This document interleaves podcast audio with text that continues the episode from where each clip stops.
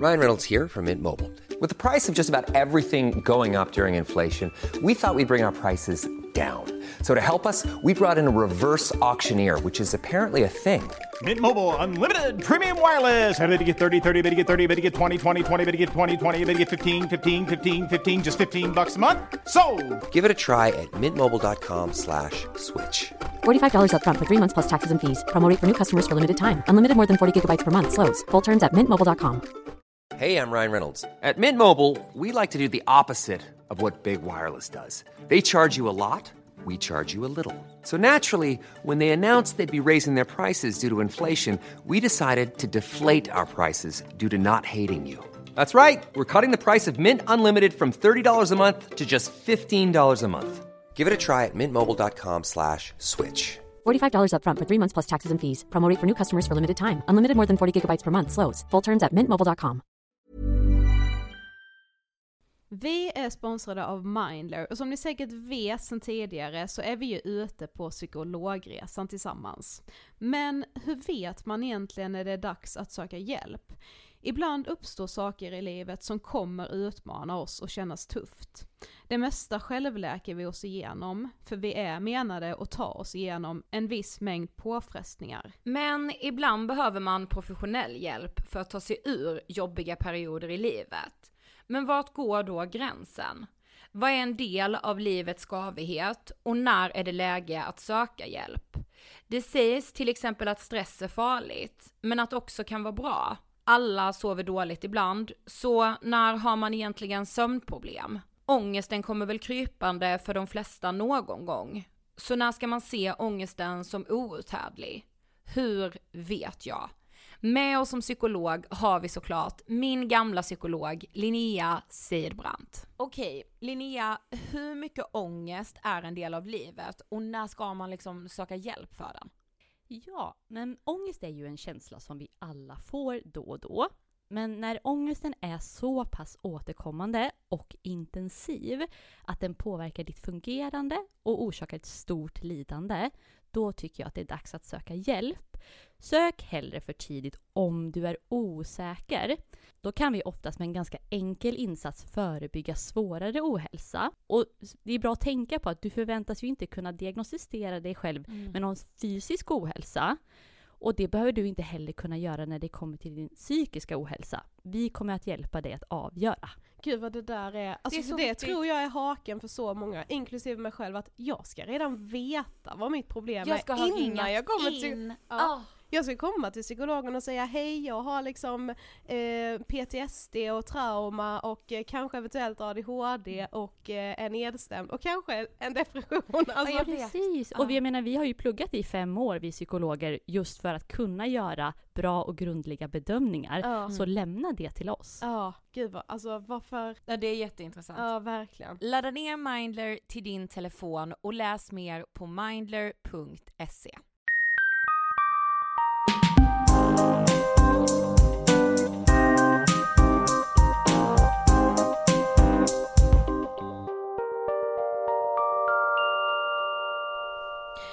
Hej allihopa!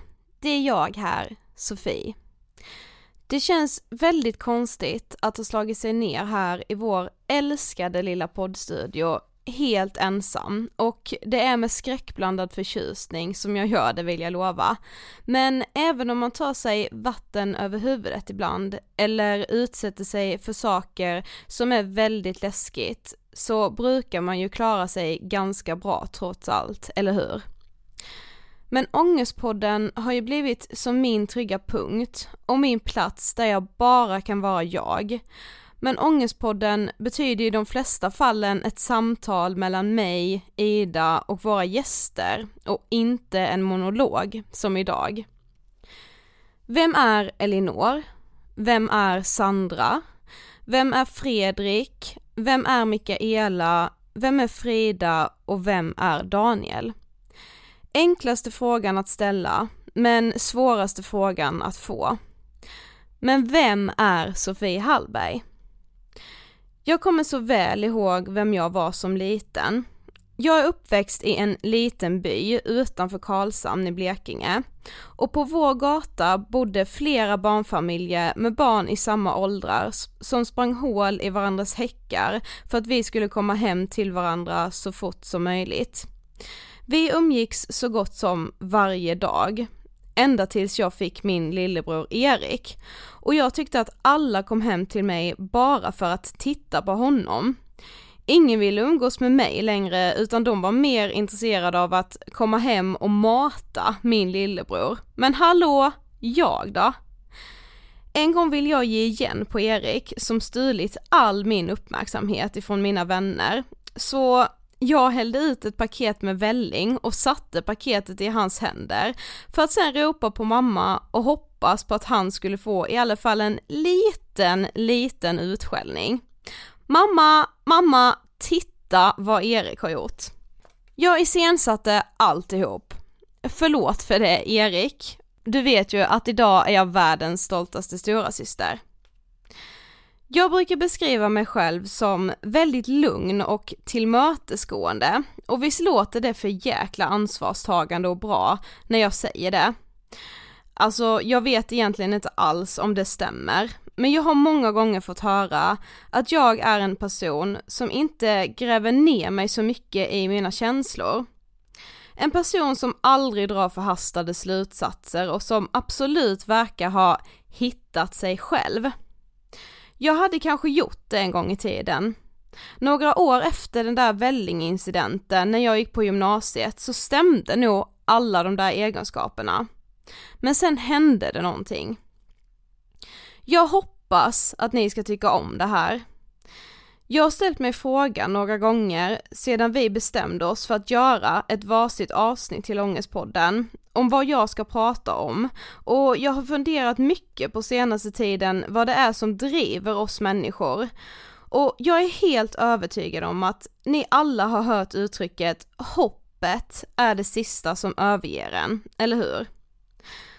Smaka på det där en gång till. Hoppet är det sista som överger en. Hoppet är det sista som överger en.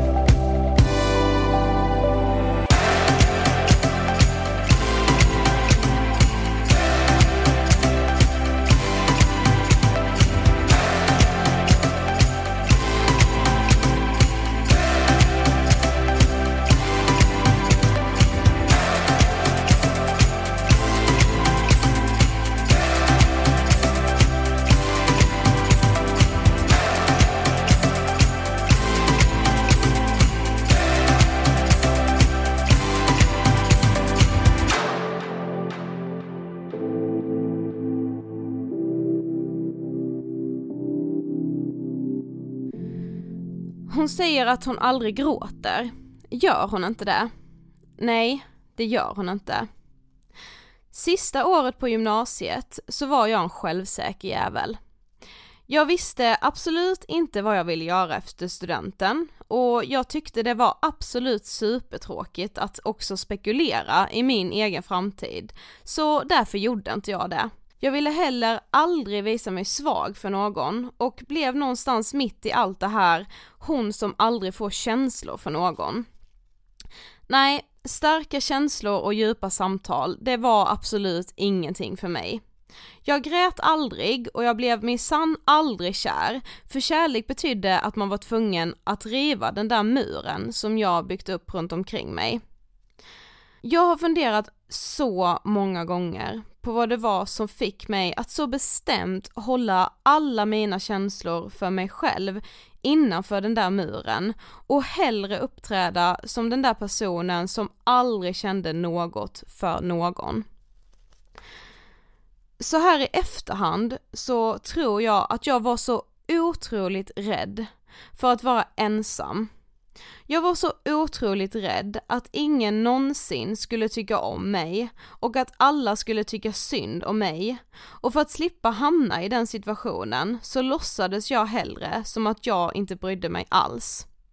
Hon säger att hon aldrig gråter. Gör hon inte det? Nej, det gör hon inte. Ni vet när man börjar prata med någon och det känns som att man känt varandra i en hel evighet. När det känns som att det plötsligt finns någon som inte frågar hur man mår för att det är en trevlighetsfras utan för att personen verkligen undrar hur man mår. Som skrattar åt ens skämt och som är angelägen om att lära känna en mer och mer för varje dag som går som sakta men säkert river den där muren som man byggt upp runt omkring sig så att man plötsligt står där helt utan muren och är redo att ge allt. Och så plötsligt så går han eller hon och du står där utan din mur och undrar hur livet ska gå vidare med varken kärlek eller den där trygga muren. Jag hittade en gammal text som jag skrev när min mur var riven för första gången och han hade lämnat mig utan både den och honom. Då stod jag där med hoppet kvar. Hoppet om att han skulle ångra sig. Och så här skrev jag då. Varför försöker man inbilla sig att det kommer komma en dag, väldigt, väldigt snart, när allting bara blir bra igen? om jag bara orkar denna veckan också, så kommer han kliva fram till mig på stan och säga att han måste berätta en sak. Att han har ångrat sig och att han förstått att med mig vid sin sida så känns allt lite bättre. Varför försöker man inbilla sig att om man ligger i sin säng och gråter för att man känner för mycket så kommer ödet snart tycka synd om en och man kommer få det där lyckliga filmslutet som man fantiserat ihop i huvudet minuterna innan man ska sova. Varje kväll. Varför sitter man i sängen på kvällen och tittar ner på ena kudden där man vet att han skulle legat om allt var som då? Hur kan en så vidrigt enkel sak som att koka en kopp kaffe påminna om första gången som man sovit med varandra? Hur kan man låta någon stå överst på ens önskelista när man vet att man själv inte ens finns med på hans? Inte ens längst ner. Kanske om jag går upp idag, imorgon och nästa dag igen så kommer han kanske ångra sig i helgen när han ser mig. Annars så kanske han ångrar sig nästa helg, eller nästa igen.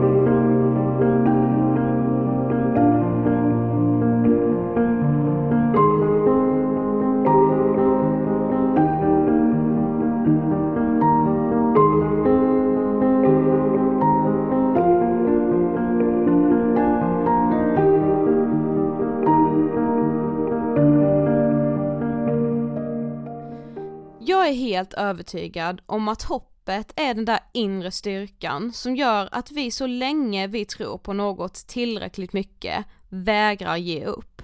Och jag tror också att det där hoppet som är det sista som överger en, är den styrkan som gör att vi lyckas gå vidare de gångerna när vi måste göra det.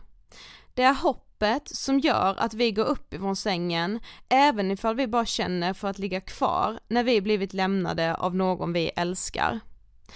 Det är hoppet som gör att vi vågar ta risker och det är framförallt hoppet som gör att vi vågar vara ärliga med hur vi känner. Say hello to a new era of mental health care. Cerebral is here to help you achieve your mental wellness goals with professional therapy and medication management support. 100% online. You'll experience the all new Cerebral Way, an innovative approach to mental wellness designed around you. You'll get a personalized treatment plan from a therapist, prescriber, or both in a safe and judgment free space. Your cerebral therapist or prescriber will outline a customized plan with clear milestones along the way so you can get to feeling your best. With Cerebral, you're not alone in your mental health journey. We're here to empower you to live a fulfilling life.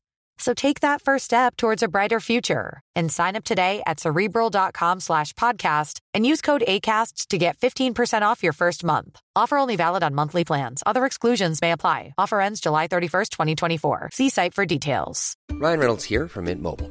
With the price of just about everything going up during inflation, we thought we'd bring our prices down. So to help us, we brought in a reverse auctioneer, which is apparently a thing.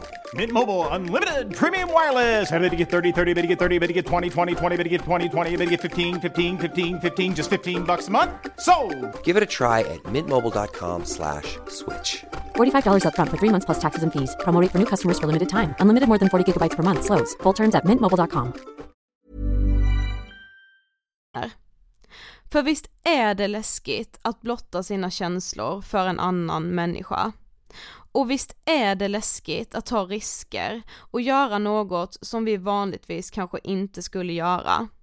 Men vi gör det för att hoppet driver oss till det.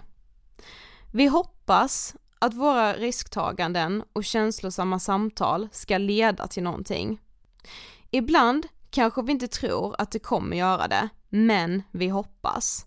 För hoppet är det sista som överger en.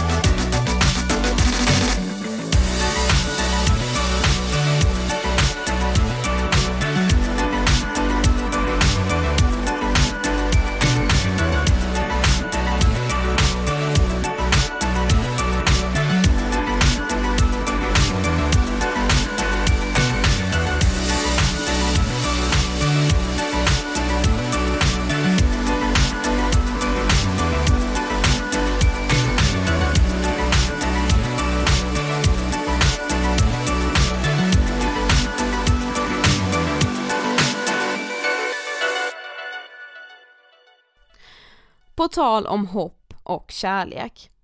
Vi har ju stundtals pratat kärlek i Ångestpodden. Och det är så lätt att snubbla in på just kärlek när man pratar om ångest tycker jag. Speciellt för mig som själv inte lidit av psykisk ohälsa som jag vet att många andra har.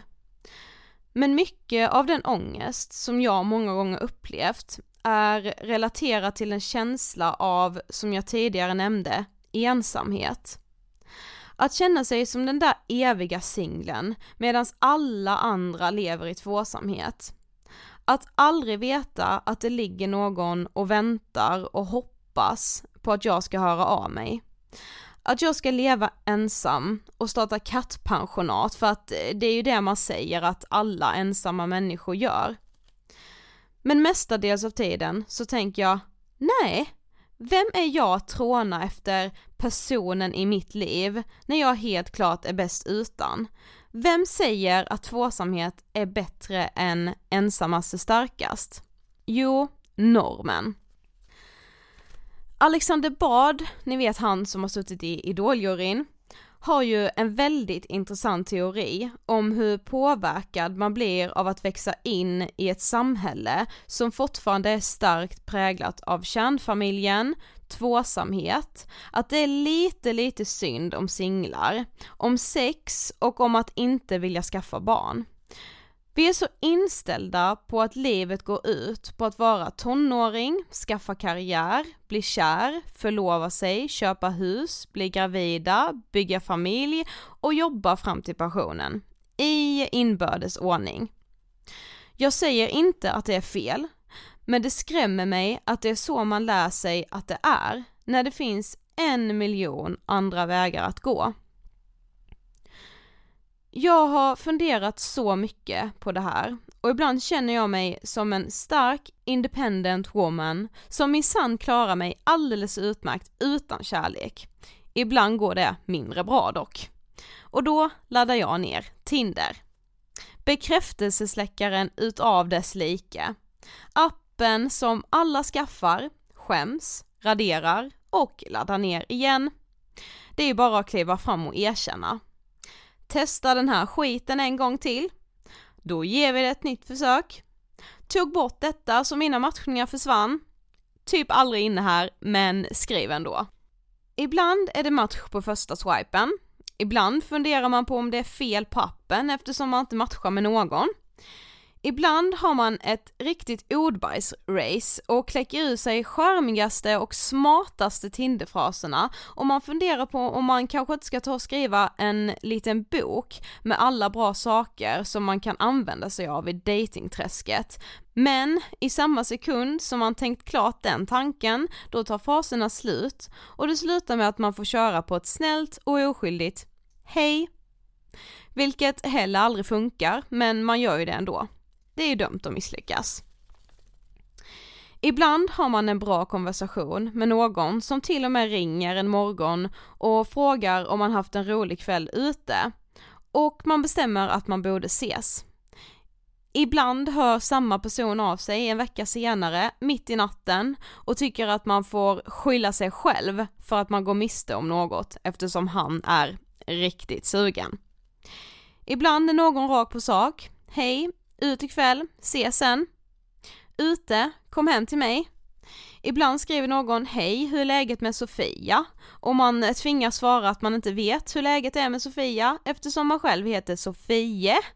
Och så får man ett litet ojsan och den där jäkla emoji-apan som håller för munnen.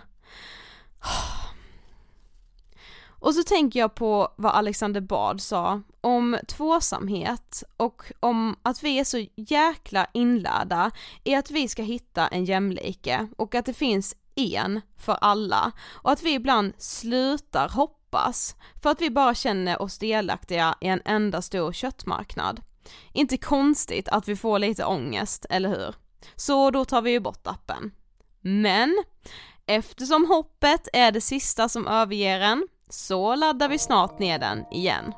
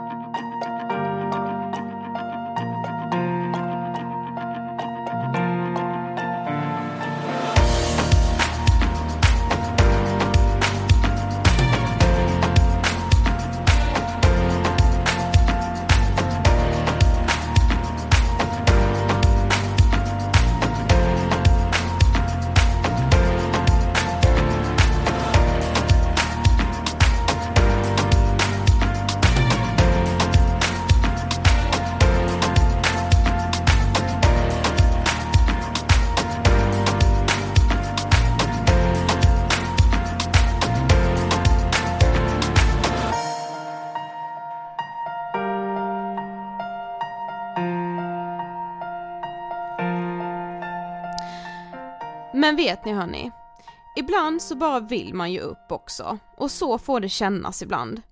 Ibland känns allt meningslöst och ibland ifrågasätter man sig själv och sitt liv alldeles, alldeles för mycket. Och ibland tänker man att nej, nu jävlar ger jag upp. Det senaste året har jag fått uppleva en himlans massa hopp och det var därför jag valde det som ämne till min lilla monolog här med er. Innan vi startade Ångestpodden så vågade jag knappt drömma om vart den skulle ta oss. Det var svårt att veta och knappt att man trodde på det själv, men jag skulle ljuga om jag inte sa att jag hoppades. Jag hoppades så innerligt att många skulle känna igen sig i podden. Jag hoppades så mycket att någon skulle bli hjälpt av den. Jag hoppades såklart att vi skulle bli större än Alex och Sigge och jag hoppades såklart att jag och Ida skulle kunna starta ett eget företag och tjäna våra egna pengar. Men viktigast av allt så hoppades jag så innerligt mycket att vi skulle lyckas bryta tabun kring psykisk ohälsa. Och wow, tack hoppet! Tack hoppet som fick mig att våga försöka göra en egen podcast. Tack hoppet för att jag har vågat dela med mig av saker som jag för några år sedan knappt pratade om med mina bästa vänner. Tack hoppet som har hjälpt mig att resa mig från sängen de där dagarna när det bara har känts alldeles för tufft. Tack hoppet för att jag har börjat bli ärlig, både mot mig själv och mot andra. Så tack hoppet. Jag är den sista som överger dig.